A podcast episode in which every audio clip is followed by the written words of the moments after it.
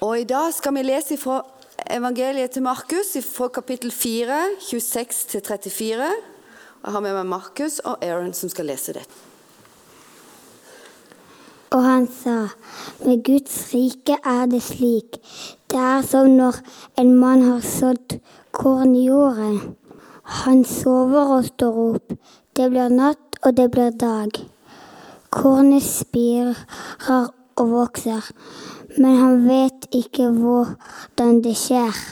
Av seg selv gir jorda grøde, først strå, så aks, og til sist modent korn i akset. Så snart grøden er moden, svinger han sigden før høsten er kommet.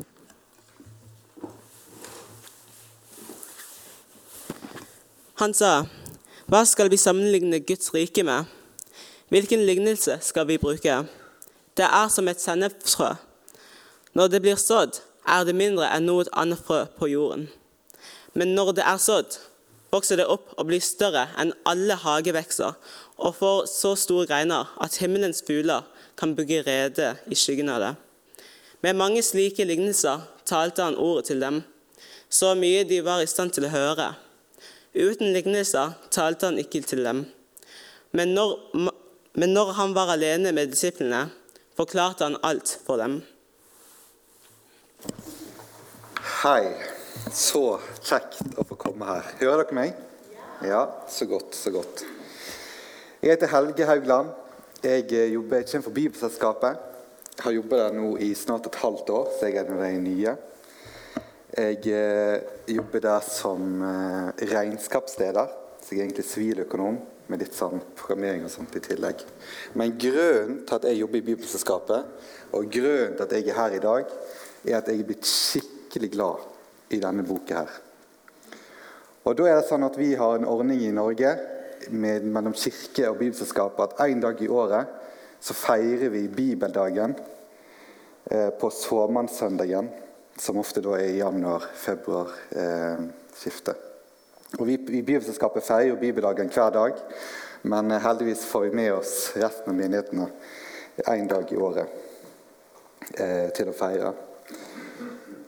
Um, og det er ikke bare vi er det sånn feedback. Skal jeg kanskje bruke den istedenfor? Eller hører dere meg godt? Ja, ja, vi prøver. Ja, og Det er ikke bare vi som feirer, men det er faktisk over 1000 menigheter i Norge i løpet av dag og de neste ukene som feirer bibeldagen. Og hva er bibeldagen? Jo, det er en mulighet til å se og feire og være takknemlig for at vi har fått Guds ord. Og Da gjør vi det ofte i Bibelselskapet sånn at for å vise den takknemligheten, så gir vi òg midler videre til andre land der gjerne evangeliet enten det er vanskeligere å få tak i Guds ord, eller som trenger Guds ord på en eller annen måte. Og i år så er det Sia, eller Gulfen nede i Persia-området som, som, vi skal gi til. Og Jeg kommer tilbake til det, um, hvor det er, og hva det er for noe. Men før da så skal jeg snakke litt om søndagens tekst.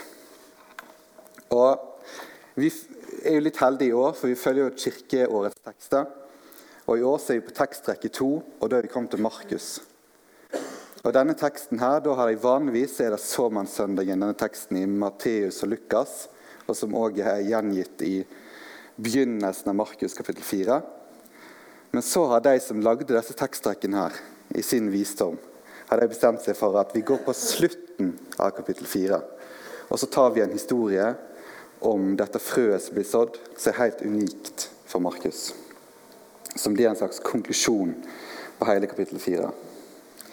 Og Markus, han, han forteller, han er jo litt sånn Så jo Jesus dette, så jo Jesus dette så jo Jesus. Det skjer litt fort, og det skjer mye om en annen. Og Det er kun i kapittel 4 kapittel 13 at Markus stopper opp. Så slutten her så får vi en konklusjon av den læren som Jesus har gjort gjennom Markus kapittel 4. Og i forberedelsen så har jeg lest litt sånn bibelkommentarer og litt sånn forskjellig. Og så var det en som heter Pillar New Testament Commentaries. Jeg syns hadde et så bra sitat, så jeg tenkte jeg skulle snakke, dele det selvfølgelig oversatt til norsk. Og De skriver at vi snakker her om to lignelser om frø som sammenligner dette med Guds rike. Og da er jo dette frøet i Guds rike, som vi kjenner fra de andre historiene, det er Guds ord. Og Den første lignelsen den fokuserer som vi hørte på, fokuserer på vekstprosessen. Hvordan et frø blir fra et frø, og så kommer det strå, og så blir det aks, og så, det liksom, og så er det høsting til slutt. Mens den andre lignelsen den fokuserer på kontrasten mellom dette som er lite og ubetydelig, smått, til noe som blir stort og viktig. Så begge fortellingene på en måte forteller om Guds rike, som Jesus sier på så mange ganger, men på litt ulike vinklinger. Og Jeg tenkte jeg skulle gå inn i litt av da, hva disse vinklingene er for noe. Så Vi begynner altså i vers 26 i Matteus 4, som vi hørte der lest. Og han sa, men Guds rike, med Guds rike er det slik. Det er som når en mann har sådd jord, korn i jorden. Altså, som jeg nevnte, frøet Eh, han forklarer ikke det her i denne lignelsen, men før i kapittel 4 har han forklart dette frøet er Guds ord som blir sådd, og som sammenlignes med Guds rike. Og vers 27. Han sover og står opp. Det blir natt, og det blir dag. Og kornet spirer og vokser. Men han vet ikke hvordan det skjer. Og For meg når jeg leste den teksten, Av og til er det litt sånn med Guds ord at du har lest en tekst mange ganger, men så dukker det opp litt sånn nye Oi, dette, denne koblingen har jeg ikke tenkt på før. Og når jeg forberedte meg og leste, så tenkte jeg på en god venn av meg som alltid, når ting skjer i livet hans, så siterer han Salme 127, vers 2. Og så sier han, men da gir jo Gud Gud gir dette til sine mens de sover. Og I Salme 127 så begynner det med det som vi synger eh, i nasjonalsalmen vår. Vil Gud ikke være bygningsmann med fåfeng på hus eh, bygger. Og vil Gud ikke være by og land, kan vaktmann ikke trygge. Og så fortsetter han da i vers 2 i Salme 127 med å si at forgjeves står dere tidlig opp og setter dere ned og spiser brødet dere har slitt for. Det samme gir han sine venner mens de sover. Og Sånn er det litt med Guds rike, og sånn er det med Guds ord òg. At det vokser mens en sover, mens en egentlig ikke Jeg vet ikke hvor ofte produktiv en føler seg når en sover. Det er jo egentlig, En skjønner hvor viktig det er når en har mangel på det, men, eh, men eh, mens en gjør ingenting, så vokser Guds ord. Og Det gjør det her i Norge, det gjør det i Gulfen, som jeg har fokus på, og det gjør det rundt om i hele verden. Som jeg alltid sier, dette gir jo Gud mens en sover. Og som vi òg vet fra Jesaja 55, der det står at Guds ord vender aldri tomhendt tilbake, men det fullfører det det er utsendt til å gjøre. Og Sånn er det òg denne lignelsen hinter til at kornet det vokser og vokser, og det skjer. Det er liksom ingenting som stopper det. Men jeg vet ikke helt hvorfor det skjer. Nå i dag har vi kanskje litt mer kunnskap om hvordan ting skjer. Men samtidig er det litt sånn når en først har sådd, så skjer prosessen av seg sjøl til det er fullendt. Og I vers 28 så står det av seg selv gir jorden grøde. Først strå, så aks, og til sist modent korn i akse. Og Da tenkte jeg på det i versen som står i 1. Korinterbrev, kapittel 3, med Paulus som snakket til korintermenigheten, og der det kom til en annen person som har vært involvert, en som heter Apollos. Og Så begynner folk å si 'jeg hører til Paulus, jeg hører til Apollos'. Og så sier Paulus disse flotte ordene at eh, 'jeg plantet, Apollos vannet, men Gud ga vekst'. Og På samme måte som det er i korintermenigheten, så er det sånn med Guds ord at når ordet er sådd, så kan vi prøve å anstrenge oss så mye som vi vil, men så er det et aspekt der med at det er Gud som er den ansvarlige for veksten. Og Sånn har jeg opplevd det i mitt liv ofte, at ordet som har blitt sådd, jeg har enten lest sjøl, jeg har hørt ordet fra talerstolen, jeg har hørt ordet i andre sammenhenger. Men den veksten som skjer i, i livet mitt, der jeg virkelig får gripe tak i det, da jeg kjenner igjen som at det er noe som Gud gjør i livet mitt. Så Gud holder seg ansvarlig for sitt ord. Så det er altså en prosess der vi går fra å så, og så til en vekstfase, og så til en høstningsfase.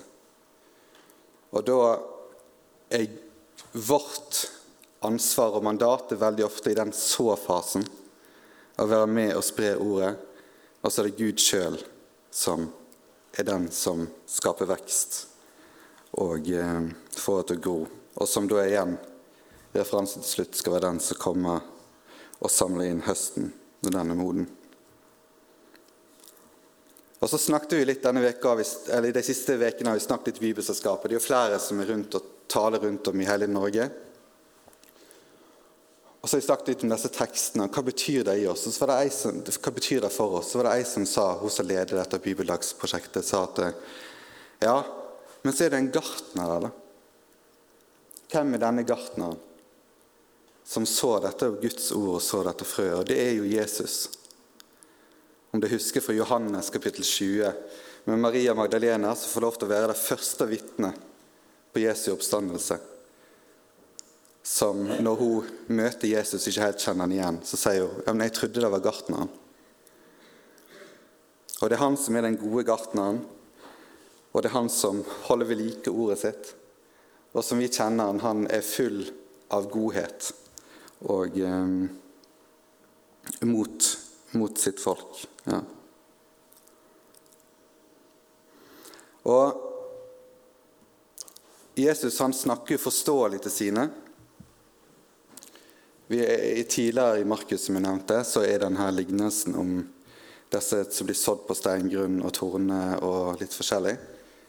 Og Der forklarer han lignelsen til disiplene. Så han forteller lignelser til de han møter, men det er kun de som kjenner han, hvor han forklarer og utbroderer hva disse lignelsene betyr. Og så er vi så heldige at vi har fått med oss disse forklaringene i ordet, eh, så vi òg kan skjønne hva dette betyr for noe. For det står det I Lukas 8,10 så står det at dere er det gitt å kjenne Guds rikes hemmeligheter, men de andre får det i lignelser, for at de skal se, men ikke se, og høre, men ikke forstå. Så ordet er altså blitt åpenbart for oss. Vi får lov til å skjønne og har blitt invitert inn til å forstå hva ordene betyr. Og så til en overgang til den andre lignelsen. Sennepsfrøet. Da begynner han igjen. Hva skal jeg sammenligne Guds rike med? Og hvilken lignelse skal vi bruke? Det er som et sennepsfrø.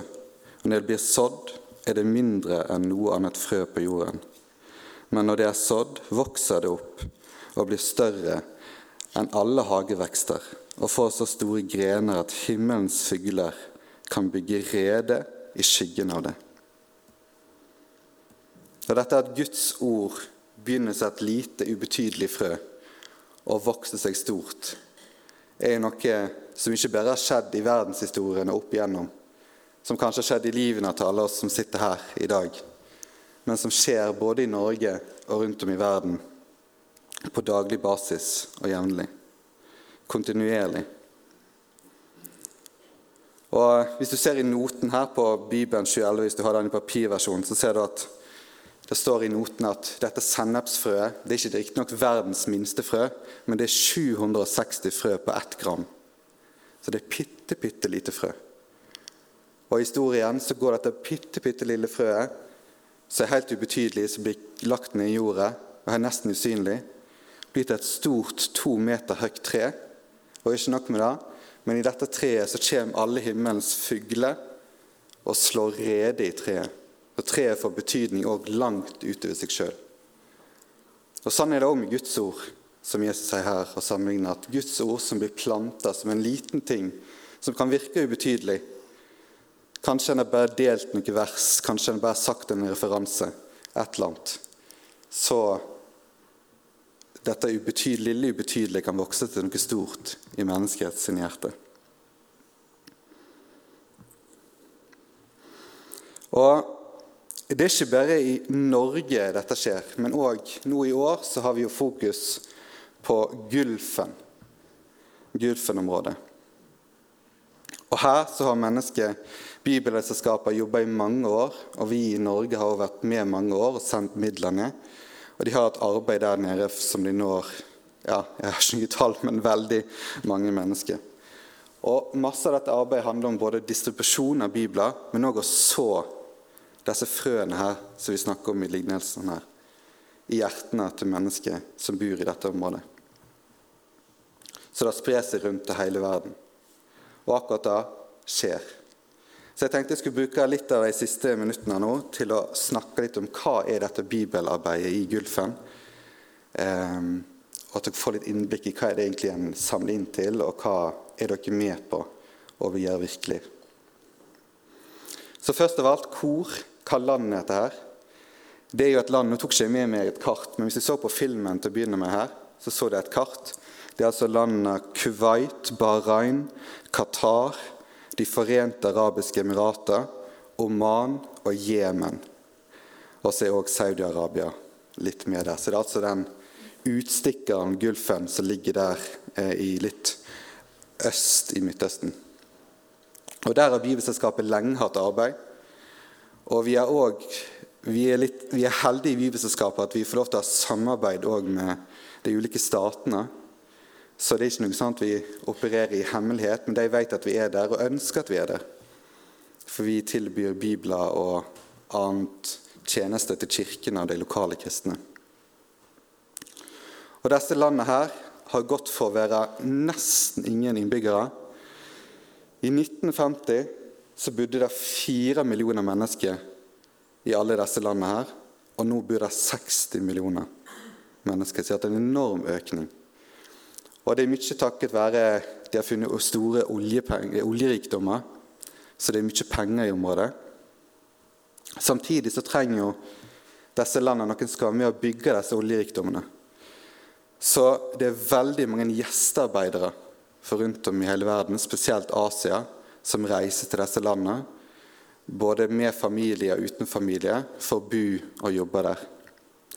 Faktisk er det sånn at De forente arabiske emirater så er gjestearbeidere representerer 87% av befolkningen og 96% av arbeidsstyrken.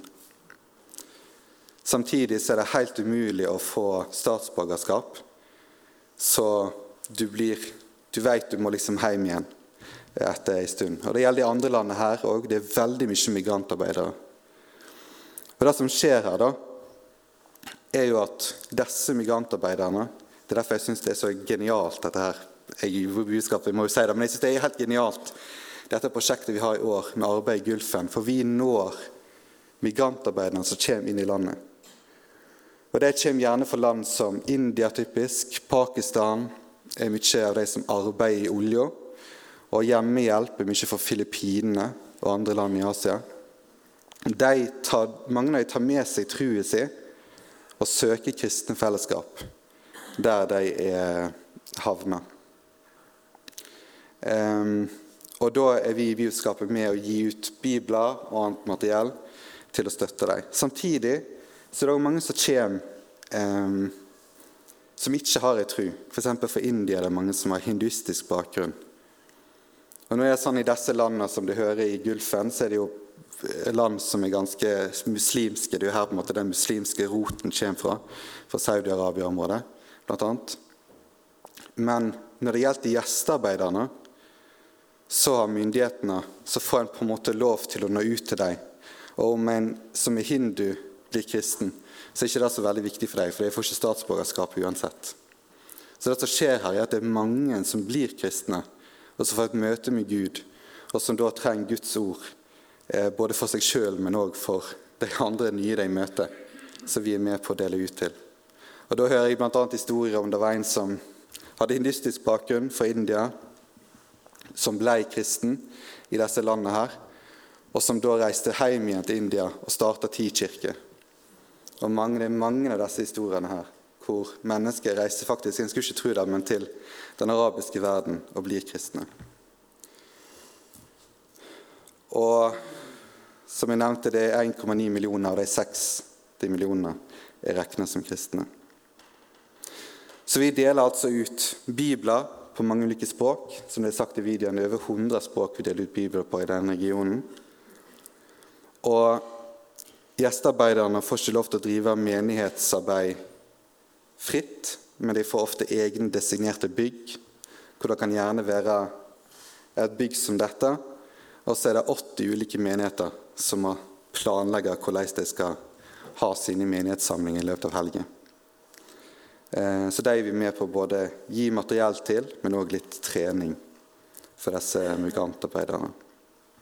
For da er det sånn at Mange reiser vekk fra sine familier, og da blir jo menigheten som en slags lokal familie for dem. Som jeg nevnt, Vi deler ut bibler på arabisk, telugu, tagalog, amaharisk, bengali og mye mer. Og Vi trener opp ledere eh, og nye kristne. Og så en opplæring i hvordan en skal formidle og fortelle Bibelen til andre. Blant annet er jo Masse av disse arbeiderne her er jo hushjelper, som er de som er i kontakt med barn og kvinner i huset. Vi drifter fem bibelbutikker i fem ulike land i Gulfen. Og så trykker vi 10 000 hefter av sånn 'Hvem er Jesus?' som, som uh, skal deles ut til, til de i, i regionen. Og så har vi ulike aktiviteter til barn. Så det er altså da midlene går til, og som det er med på gjennom den bibelgaven som det gir. Og nå har vi jo allerede hatt et offer, så det er jo litt sånn, og så står det jo et Vipps-nummer her. Men hvis du ønsker å vite mer informasjon, så på bordet her ute så er det både en magasin som heter Bibelgaven. Eh, og Den tok jeg med i papir, for der er en historie som vi ikke har på trykk på nettet. om noen konvertitter så de kan lese. Og så er det òg en liten folder. Så hvis jeg kjente at dette traff hjertet mitt, så kan jeg enten prate med meg etterpå eller andre, eller så finner det eh, materialet der ute. Så ja, vips til 2011, og så er det en gavekonto. Så til avslutning så har jeg lyst til å lese et ord som òg er på dagens leseliste, for Romerbrevet kapittel 10. For det er litt sånn spørsmålet når en kommer til liksom konklusjonen hvorfor er dette arbeidet med å dele Guds ord viktig? Og hvorfor jobber vi i Bibelselskapet både med å gi ut Bibelen her på norsk, på nynorsk bokmål, nordsamisk, sørsamisk, lulesamisk? Og hvorfor er det bibelselskap rundt om i hele verden som så aktivt ønsker å spre Bibelen til alle? Det finnes mange svar på det, men ett av de svarene syns jeg ligger i dagens lesetekst for Romerbrevet, kapittel 10, vers 13-17. Og Der står det Hver den som påkaller Herrens navn, skal bli frelst. Men hvordan kan de påkalle en de ikke tror på? Hvordan kan de tro på en de ikke har hørt om? Og hvordan kan de forkynne uten at noen forkynner? Og hvordan kan de forkynne hvis de ikke er utsendt? Det står jo skrevet hvor vakre de er, føttene til den som bringer godt budskap. Men ikke alle var lydige mot evangeliet. Jesaja sier, 'Herre, hvem trodde vårt budskap?' Og så skjer en konklusjon til slutt. Så kommer da troen av det budskapet en hører. Og budskapet kommer av Kristi ord. Så takk for at jeg fikk komme her til dere i dag og feire bibeldagen. Og eh, jeg håper at dere har fått en liten mer brann enn når det kom i dag, på hvorfor en får Guds ord og formidler det videre til andre, både her i Flekkefjord, men òg til hele Norge og til hele verden. Takk for meg.